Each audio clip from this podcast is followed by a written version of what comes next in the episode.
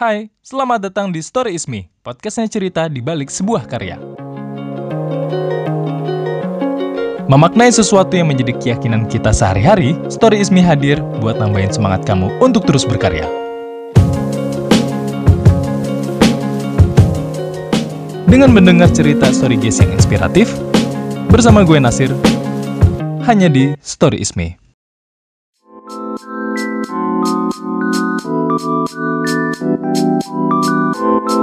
Di episode pertama ini, gue dedikasikan untuk sahabat gue.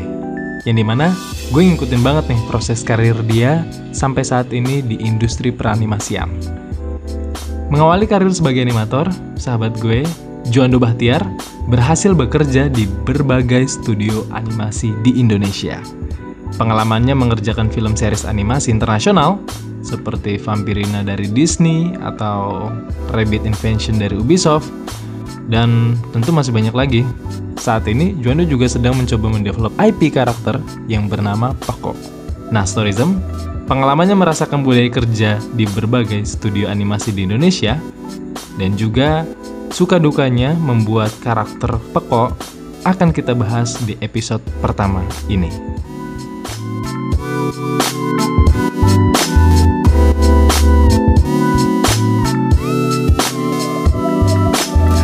Oke dok, sebelumnya bisa kasih tahu storyism nggak? Apa sih kerjaan animator itu? Oh, Oke, animator itu sebenarnya intinya ngegerakin karakter. Gua khususnya di bidang 3D. Nah, Oke. jadi uh, udah di intinya bahasa awamnya itu udah dikasih tulang lah sama rigger gue yang ngegerakin Ah, Nah, iya. supaya itu orang-orang bisa uh, nganggep tuh karakter hidup dari Ah. acting dari gerakan itu bisa dipercaya sama orang Oh, Ya, mungkin. jadi kerjanya animator bisa kita bilang memberikan nyawa Yoi, ke yoi. objek tertentu ya, Yoi, bisa karakter. Ah, ah. Eh, tell me about your story dok, your background. Kenapa lo milih animasi? Nah ini lucu juga nih Kenapa gue animasi? Jujur aja awalnya gue gak milih Jurusan ini di BINUS tuh bukan Gue awalnya milih animasi Oh gitu. Kayaknya lu udah tahu nih Belum, belum, belum, belum, belum, belum tahu. Oke. Awalnya tuh ya jadi gini guys. Jadi gini story Sam. Eh, Juando ini teman seangkatan gue di Binus dari sekian banyak lulusan dia salah satunya yang konsisten di tetap di Gua industri doang animasi sih. gitu. Gue doang cuy Oh iya. Yang jadi animator tuh gue doang Sa- iya seangkatan ya lu bayangin ya seangkatan yang jadi animator Juando doang teman gue gila nggak keren banget. Nah ya maksud gue gue pengen tanya sih kenapa sih animasi? Kenapa lo milih animasi Awalnya gitu? tuh gak sengaja Kan di, di BINUS ada tiga tuh di cafe tuh Apa Ah. ya sih? Animasi, Ada New Med Newmed, sama sama CA, yoi yoi. Gue tuh pilih Newmed Ya kan? Oh gitu? Kok sialan sih lo? Bener. Terus mbak-mbaknya bilang nih ada yang kosong anima animasi.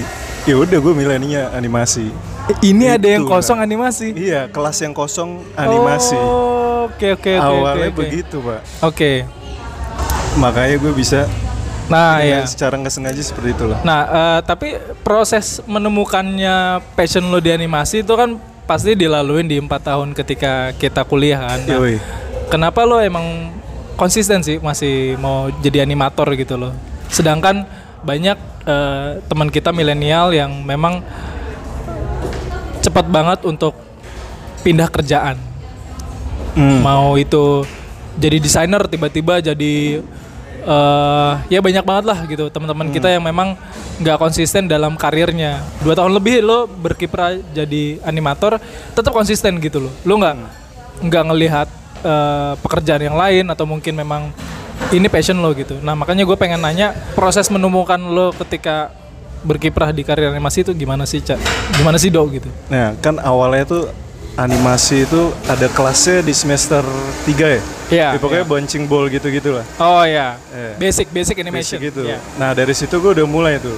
Ini seru juga nih ngegerakin bola yang dari hidup Hmm, eh oke. dari mati tuh jadi kayak ada yang gerakin gitu sih. Iya, iya. Nah iya. setelah itu gue coba-coba. Lu lu yang ngajakin gue waktu itu les di S sebutnya nih. Oh iya iya iya. Jadi Iya. storyism gini.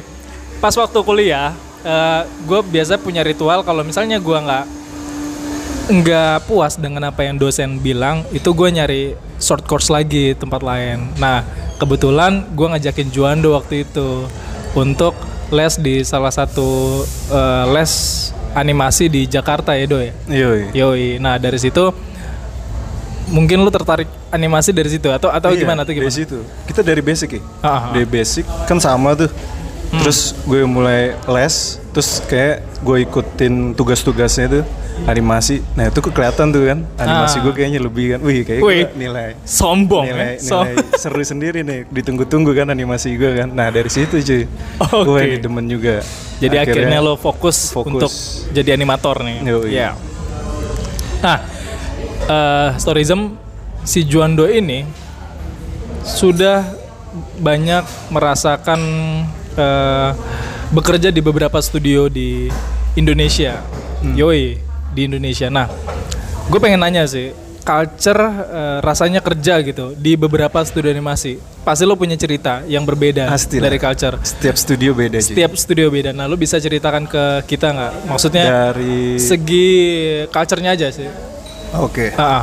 maksudnya biar eh, si Storyism ini bisa tahu, oh ternyata studio animasi walaupun memang pekerjaannya animasi, tapi culture-nya beda juga loh gitu. Nah, mungkin lo bisa ngasih kita sharing gitu. Gimana sih rasanya? studio tuh sebenarnya yang nentuin enak enggaknya tuh sebenarnya kepalanya cuy produsernya Oh, produsernya. Oke, oke. produsernya jadi setiap produser yang di setiap studio tuh dia Hmm. punya eh, apa nih sih namanya punya Tanggung jawab atau apa? Punya cara sendiri-sendiri. Oh, oke. contoh di Batam yang studio awal gua. Lo kalau ke situ lo pasti diajarin lo kayak jadi eh, apa ya, speed. Speed lo di tempat di situ. Di tempat terus deadline-nya wah itu menurut gua deadline menurut ya buat ningkatin speed lo lah di dunia Oh, oke animasi oke ini. oke. Buat ningkatin kinerja kali ya. Ya, bilangnya Studio Batam udah Iya, pada tahu lah itu Kinerja untuk apa nih? Untuk survive ya. Yoi. untuk memenuhi KPI atau Iya. istilahnya key performance indicator gitu. Hmm. Jadi ketika lo di Batam, lo merasakan ada pressure yang kuat gitu. Iya. Ah, Setelah itu kan gue pindah ke eh, TLG. Iya. TLG ini lebih gila lagi. Bukan speed doang, tapi kualitas tuh dia harus di Oh, oke. Nomor satu kan. Oke, oke. Jadi Jadi, itu- lo pindah eh, ke dari di Batam pindah ke Jakarta di Ah. TLG.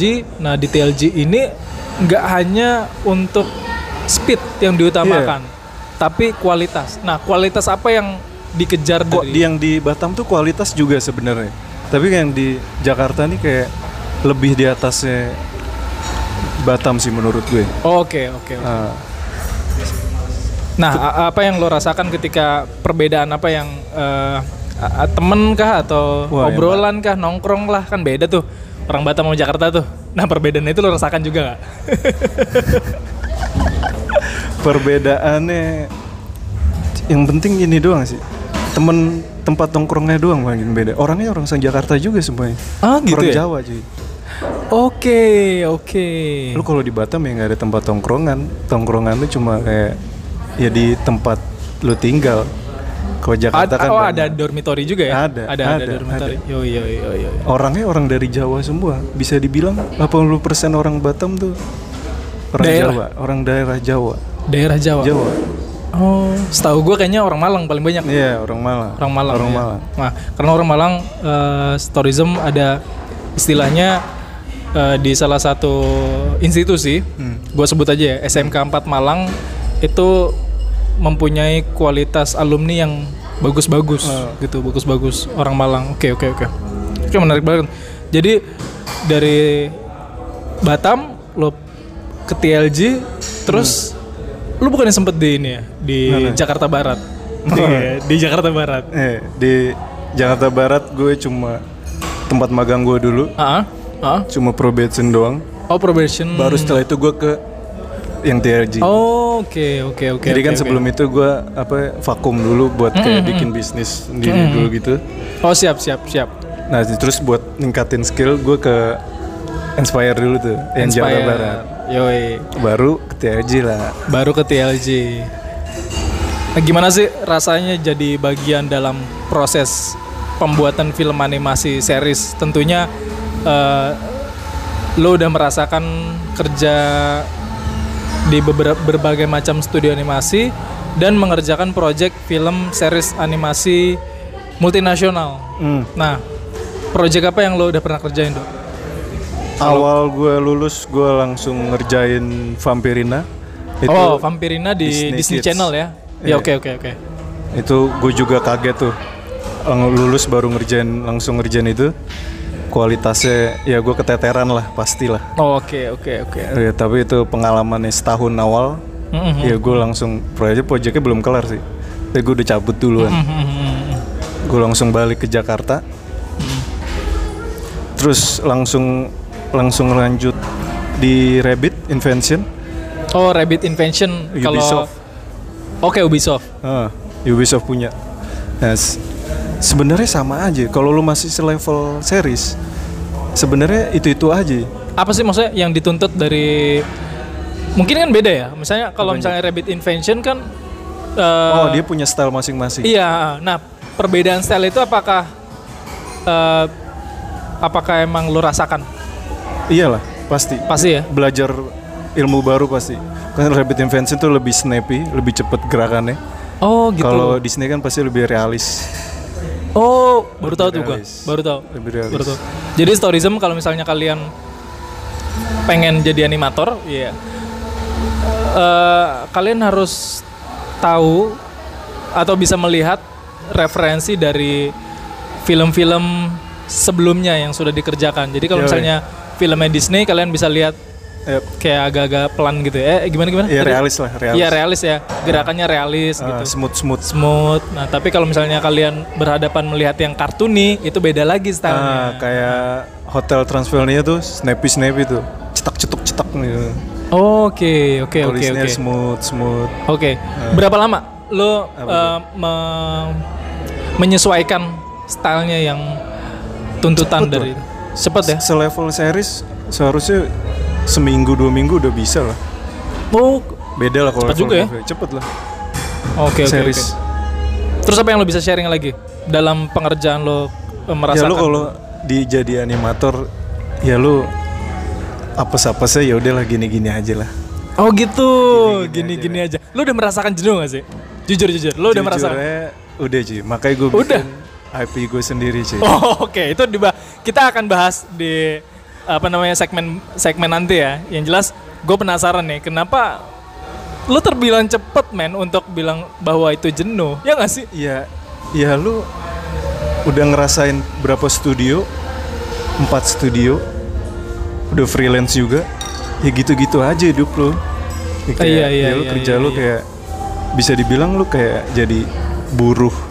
Oke, sih? oke, oke. Iya sih Ya, bisa gua, dibilang. gua bukannya ngejelek-jelekin sih, tapi menurut gue ya emang jadi Iya, gua nggak bisa gini-gini terus. Tapi eh, setahu gue, karena kan waktu waktu awal-awal gue masuk kuliah, gue juga berpikir bahwa goals gue tuh untuk bisa kerja di Pixar jadi animator gitu. Tapi Nah. memang setelah eh, mengalami pengalaman dan juga learning curve yang gue rasakan gitu di industri, memang masih banyak kekosongan yang bisa kita isi di dalam industri Iya. animasi. Masih banyak banget. Iya masih banyak banget. Nah, eh berarti lo nggak ada kepikiran untuk jadi supervisor animator atau jadi lead animator? Lo ada karir petnya nggak sih yang lo udah susun gitu?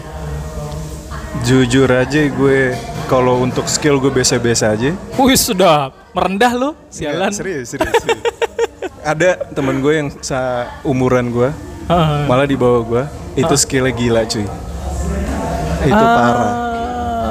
Oke Dia oke. emang emang berbakat mungkin.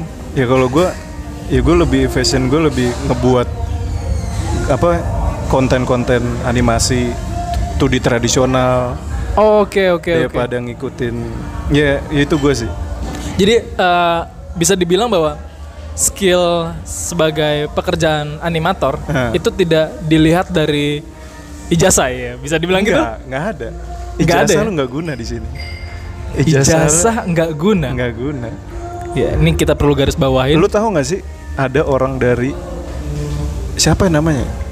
Dia dari uh, render atau nggak lighting pindah ke animasi atau nggak dari koor koordinator Iya, iya. yang bener-bener nggak tahu apa ya, animasi itu apa. Hmm. Dia jadi animator sekarang dan dia jadi lead sekarang di Batam. What? Bisa gitu ya? Yoi. Yang penting lu pengen belajar sih. Yang penting lo pengen belajar. Yoi. Ya. Berarti nggak ada batasan bahwa ketika lo misalkan jadi modeler, tapi lo tertarik untuk gerakan, Hah? lo jadi rigger, Hmm. atau lo tadinya rigger, Iya. terus lo tertarik untuk animate, Hmm. lo jadi anima- animator dan di studio itu lo dipromosikan untuk gue mau dong jadi animator, Iya. itu sah-sah aja. Sah-sah aja. Di Batam bisa dibilang banyak yang begitu. Oh gitu ya? Switching gitu biasa-biasa aja. Biasa-biasa aja. Wow. Malah kalau lagi kurang orang, layout animasi tuh tawar-tawaran cuy. Lu mau nggak bantuin nih? Gitu cuy. Oh iya, ada temen gue juga yang ex dari Batam. Hmm. Itu eh, pekerjaannya, domainnya memang compositor. Hmm. Tapi ketika compositor sudah selesai, Iya. dia juga bisa Iya. Banyak ikut jadi begitu. render artis juga gitu. Iya. Iya. Nah itu Gitu ya, sah-sah iya, aja ya? Sah-sah aja. Oh menarik, menarik, menarik, menarik.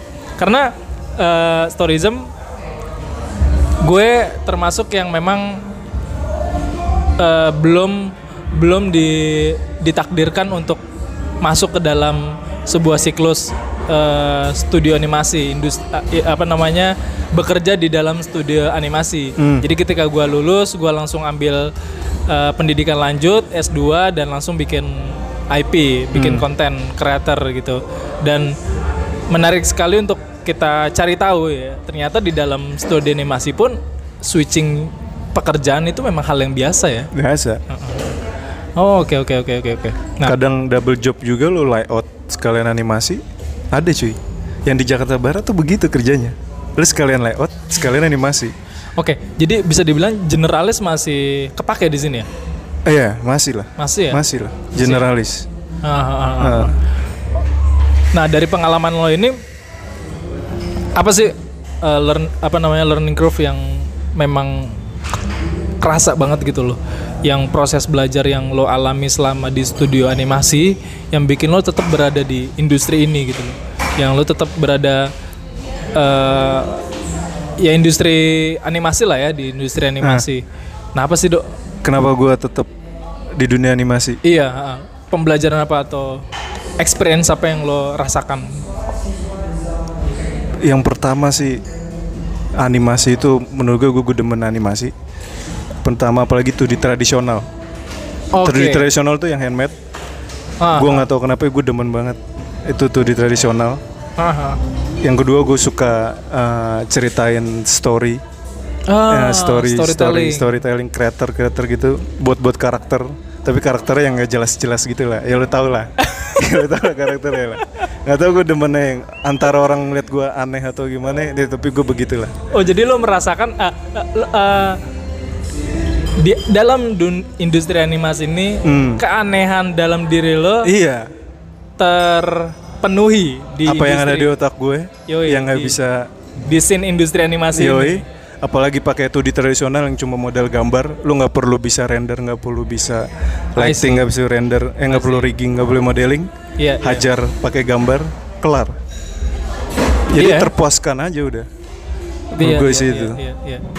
Jadi storyism kalau kalian memang baru eh, baru Oh, fundamental perlu tuh 2D tradisional 2D. kayaknya animasi harus bisa sih to di fundamental. Iya, ya 2D memang memang itu penting sih untuk kalau misalnya kalian memang mau jadi animator. Yoi. Itu penting banget. Nah, jadi kalau sekilas di industri animasi ini ada dua style yang bisa kalian ketahui yaitu 2D tradisional ah, sorry 2D animation atau 3D animation. Hmm. Nah, kalau 2D animation tuh biasanya eh, gue yakin Storyism juga udah pasti pernah nonton apa Tom and Jerry, Yoi. SpongeBob itu Doraemon, 2D animation, ah. Doraemon itu 2D animation yang biasa kita eh, nonton waktu masa-masa masa kecil ya gitu. Nah kalau Hmm. 3D animation ini contohnya banyak banget yang apalagi yang di film layar lebar Disney itu hampir semua memakai Ya. media 3D.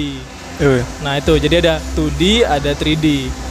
Oke, jadi eh, lo terwakili keanehan lo di dalam Yo. eh, industri animasi ini gitu. Kenapa? Iya. Kenapa sih, Dok? Kena- kenapa gitu?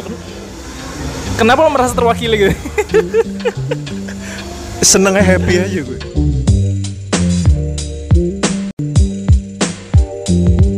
Storism, dari pengalaman 2 tahun lebih di industri animasi, saat ini Juando juga sedang membuat IP atau Intellectual Property karakter yang bernama Peko. Karakter Peko ini adalah cosplayer ayam. nah, Juando juga bilang keanehan dirinya itu juga dihadirkan di dalam karakter Peko. Kita akan cari tahu nih, sebenarnya karakter Peko ini untuk siapa sih?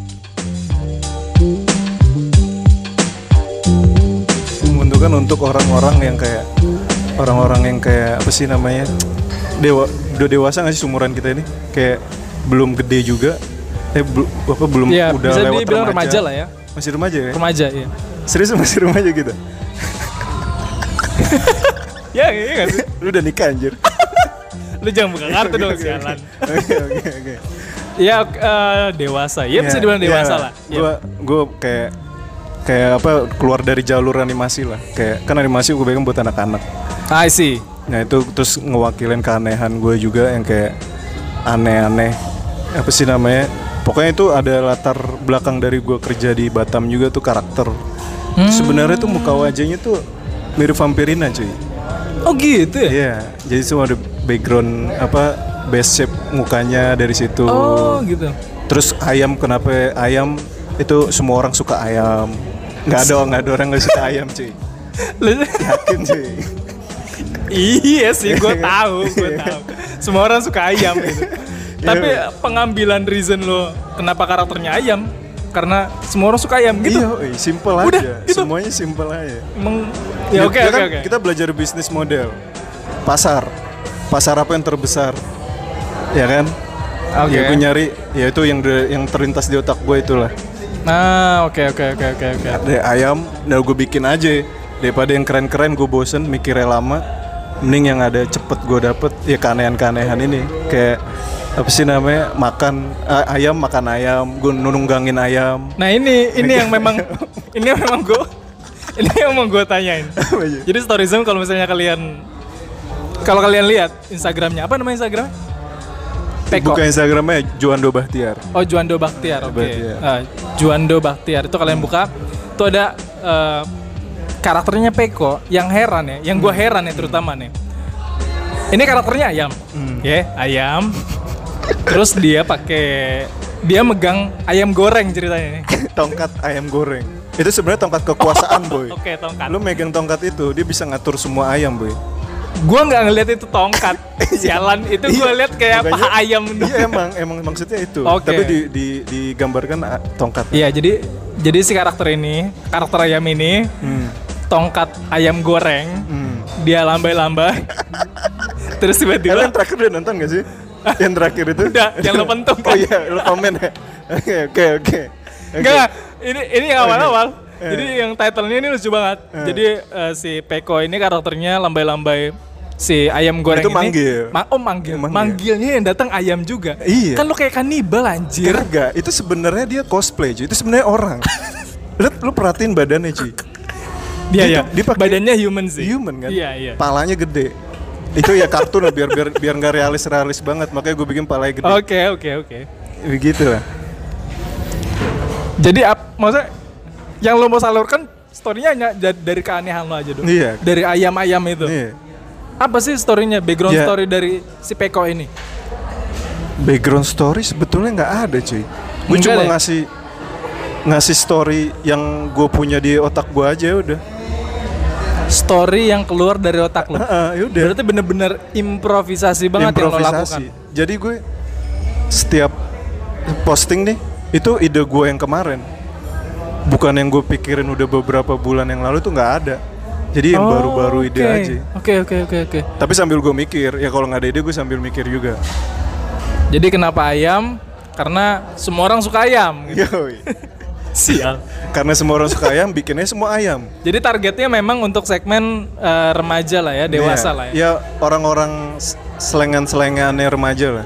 Ah, oke, orang-orang oke. yang rada-rada nggak lurus lah. Ah. Dan eh, gua rasa kalau kita lihat ya Hmm. si karakter ini ini sangat possible kali untuk dijadikan meme sebetulnya. Yoi. Ya, Yoi. lo ada kepikiran ke sana memang? ada dong. Ada ya? Ada. Dance chicken kayak gitu-gitu ada ya? Ada. Udah ada Dance dance-nya kan? Udah Iya, ada iya, dance-nya. iya. Udah ada. Nah, untuk kita bicara teknis Hmm. dari karakter kan medianya 3D ya. Yoi. Itu lo semua yang ngerjain. Awalnya 2D. Lo liat gak sih yang di Instagram gue yang satunya lagi? Yang ayam pokok itu awalnya 2D, it black and white doang. Iya, iya, iya, doang. iya. Ah, Itu gue buat semua sendiri. kenapa lo akhirnya beralih ke media 3D? Lebih simple, lebih cepet. Lebih untuk lebih skala cepet. produksinya. ya? Produksi lebih cepet. Nah, Seng- soalnya gue kan tinggal nganimate doang, rigir udah ada semua, tinggal apa ya, taruh terus gue tinggal gerakin doang. Hmm. Rendernya render yang biasa. Soalnya kan PC laptop gue masih Nggak. laptop yang apa ya, laptop lo Alienware sialan. itu render jadul pak, render jadul pak. Tapi memang kalau kita lihat ya dari karakternya ya nggak perlu render yang high res banget ya. Iya. Maksudnya yang memang Ah. betul-betul realis gitu. Ah. Karena kalau gue lihat karakternya juga nyeleneh gitu ya. Iya. Eh gue ini dong minta pendapat lu dong. Gimana? Menurut lo Apa? Peko ini gimana cuy? Pekok. Kalau gue lihat sih ya Eh. possible banget untuk segmen remaja dan dewasa ya terutama Ah. ya. Anak-anak udah nggak mungkin ya. Anak-anak udah nggak mungkin. Lo mau tua- ngajarin kanibalisme? Orang tua ayam makan ayam. Ayam Eh, naik ayam eh, gimana sih lo beneran, cuy. maksudnya? Ayam makan ayam beneran. Serius? Di serius? Enggak, enggak. Deh, lo lo lo makan ayam, lo kasih ke ayam dimakan, boy. Serius? Masa sih? Serius? Serius? Daging Itu ayam. lo riset. Iya. Sialan, lo pakai Ya, riset lu- juga Lu ya? lagi nongkrong nih, lu lagi makan ayam, lu kasih ke ayam dimakan, boy. Lu Oh, buka gitu ya? Google deh kalau enggak. Bukan bukannya Kagak, cuy. kucing ya? Kagak. Dimakan ayam juga, tapi ayam lu- makan beras cuy. tapi lu potong-potong juga dagingnya, jangan gede-gede. Dimakan sama dia, cuy. dimakan, cuy. Anjir. Oke. Lo lakukan itu. Iya. lo potong-potong daging-dagingnya. Lo kasih ke ayam. Ya, itu kan keanehan gue lah lu tahu lah. lu juga baru pada tahu kan? Ini gue baru tahu. Ini baru Iya tahu. Saking Oke. sesukanya, saking sukanya ayam begitu lah. Oh jadi lo pribadi suka ayam juga? Ya iyalah semua orang suka ayam juga. Nggak mungkin. Anjir, gue sampai nangis. Iya iya. Ya ngapain juga lo riset ya? Ya iyalah. Lu apa, menurut lu gimana? Menurut lu gimana? gue sialan lo. Gue ngebayangin lo ayam goreng nih. Eh, Lo iris-iris. Ya kagak lu lagi makan biasa aja, lagi nongkrong kan. iya, di iya, gua warteg tahu. lah, di warteg iya, gua, lah. gua tahu lu makan di warteg mau Ah, makan di mana ah, kayak. ah. Terus lo iris-iris dagingnya, lo liatin ada ayam di bawah. terus lo Terus lo kasih gitu, lo liatin gitu si cuy. ayam itu dimakan. tuh. Dimakan. Ih, tapi yang mateng lah, jangan yang iyalah, jangan yang mentah lah. Iya, iya. Eh, iya, Oke. Beneran cuy, lu coba deh pada kalau nggak percaya.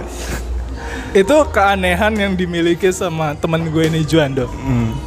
Ya, lo pasti story sempat pasti pada mikir juga ya juga ya ngapain nih orang beli ayam makan terus dia ngeliatin ayam Eh, emang dia kasih ayamnya ke ayam ada nggak sih menurut lu yang mirip-mirip gue?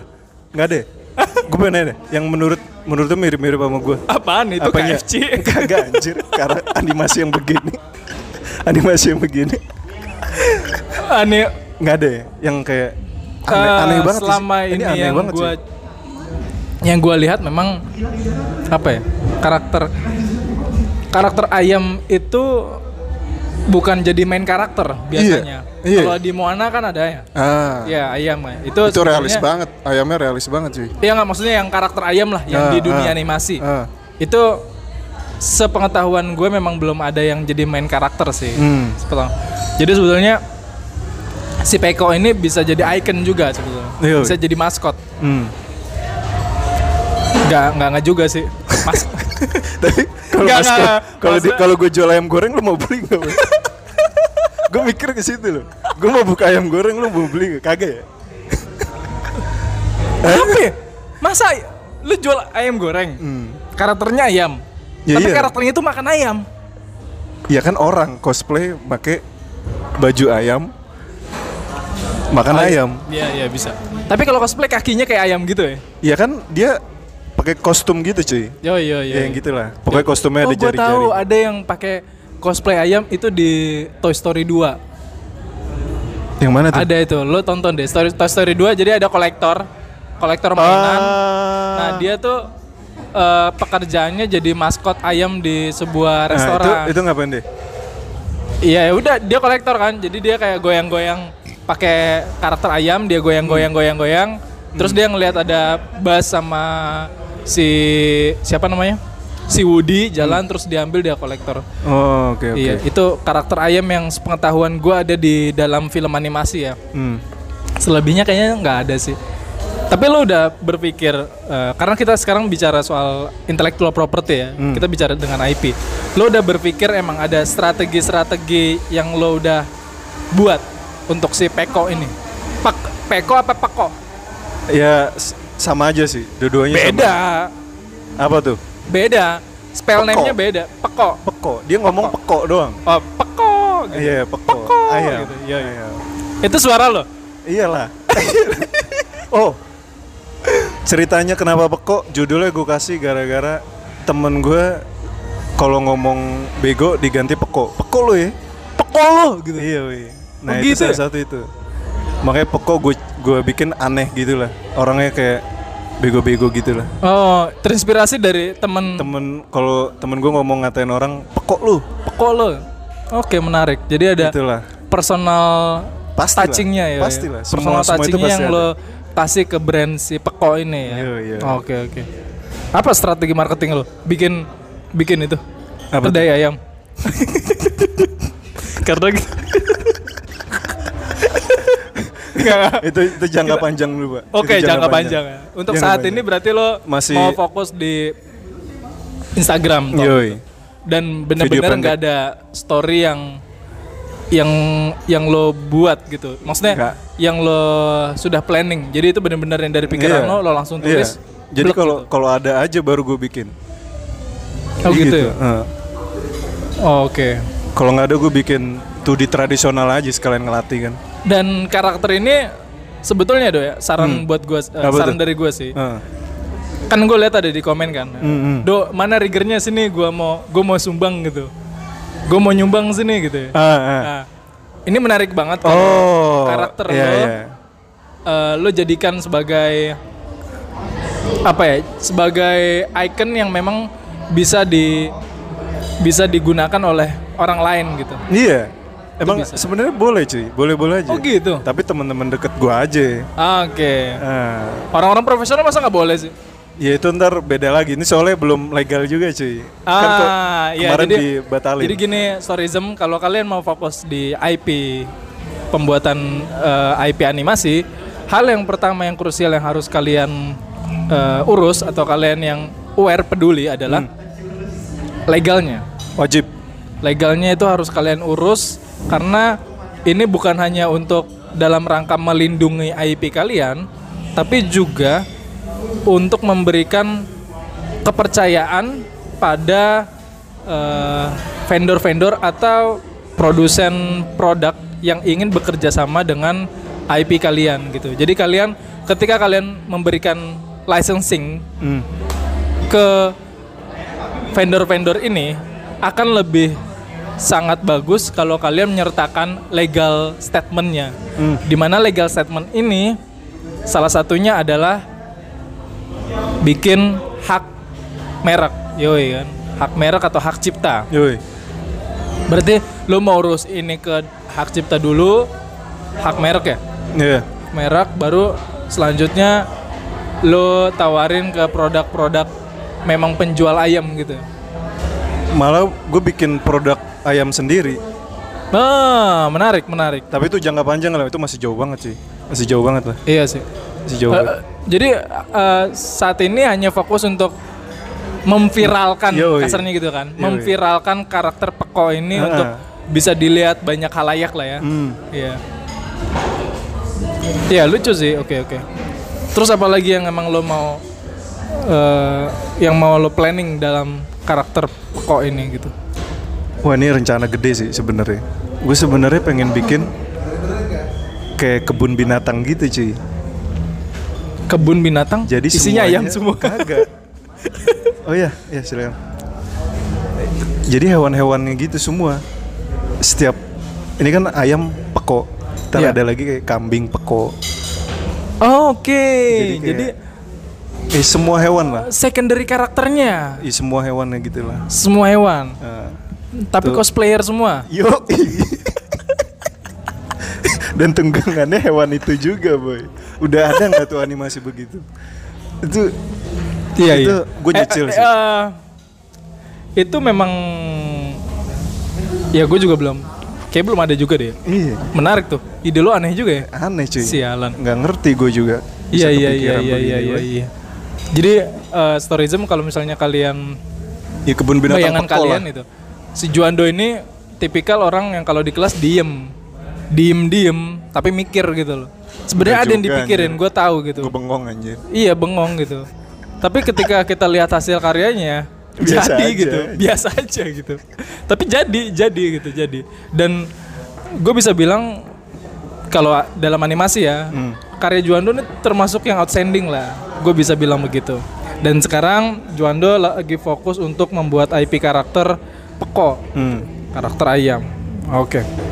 Jadi selama pembelajaran yang sudah lo rasakan di industri ini, di industri animasi ini, lo tular, eh, lo tuangkan ke dalam karakter si Peko ini. ya? Yoi, yoi. Oke. Menarik banget sih. Kalau misalnya si karakter itu bisa di jadi jadinya kreatif common. Kalau dalam bahasa eh, licensing license itu ada license license creative common. Creative common itu jadi eh, si karakter ini bisa digunakan tapi tidak boleh dikomersialisasi. Hmm. Itu ada kalau misalnya Digunakan untuk apa pun misalkan educational untuk apa gitu Oh. tapi nggak boleh untuk dikomersialisasikan Oke oke oke. nah ini sudah dilakukan oleh salah satu software animasi di Autodesk kalau nggak salah ya Apa? jadi dia memberikan lisensi study untuk untuk murid Oh. itu Creative Commons termasuk Oh, oke, ke dalam oke, itu oke. jadi ya lo boleh menggunakan software gua tapi lo nggak boleh untuk melakukan eh, yang menghasilkan uang lah. bisnis ya Iya iya. Iya. Tuh. Karakter lo untuk dijadikan kreatif common dan harus menyertakan misalkan hashtag Peko gitu. Hmm. Terus animator-animator Hmm. baru misalkan atau di studio itu mau lucu-lucuan pakai karakter lo terus di share di sos- sos- sosial medianya itu. Eh itu bisa jadi movement loh. Iya iya. Itu bisa iya. jadi movement. Iya. Tapi masalahnya orang mau nggak? Kagak mau. Misal kalau misalnya Eh, eh. kita lo bisa viralkan ini di eh. mau di kanal YouTube atau Instagram gitu dan banyak eh, buzzer yang merepost postingan lo. Gue yakin ada fans kan itu fanbase ya. Iya, Jadi iya. dia, oh ini gue juga bisa pakai karakternya nih. Akan lebih menarik kalau misalnya emang si fans lo ini bisa ikut dilibatkan gitu. Iya Misalkan iya seru juga tuh. goyang-goyang aneh lah, apalah Iya, iya, gitu. iya, iya. Nanti harus has- hashtagnya misalkan peko. Nah nanti lo repost orang-orang itu ke dalam Hmm. kanal Instagram lo. Iya iya. Itu menarik sih. Boleh boleh. itu boleh, saran boleh. dari gue. Nah oke. sip sip. Dari hampir eh, dua tahun lebih ini lo merasakan menjadi animator di Eh. beberapa studio animasi. eh, kita pengen tahu dong tiga value yang bikin lo tetap terus berkarya apa sih dok? Di dunia animasi ini. I- bahkan di dunia ini gitu bahkan eh, karena Peko ini adalah salah satu produk dari karya lo gitu Hmm. nah gue pengen tahu dong tiga value atau Berat tiga nih. nilai yang lo tetap tetap apa tetap lo pegang untuk terus berkarya apa tuh Berat berat berat. iya apa ya? berat berat berat Ntar lu gue mikir dulu. Yang pertama sih tetap berkaya yang penting kan peko. Yang gue mau ntar peko ntar bakal apa ya, lanjut lagi terus nggak tahu sih ini bisa gimana ntar ke depannya. Itu yang bakal gue lanjutin mungkin ke depannya. Ah, Bukan mungkin sih, pasti sih. Pasti, ya. Pastilah. Di dunia animasi Ya. itu satu. Yang kedua Kayaknya itu doang sih.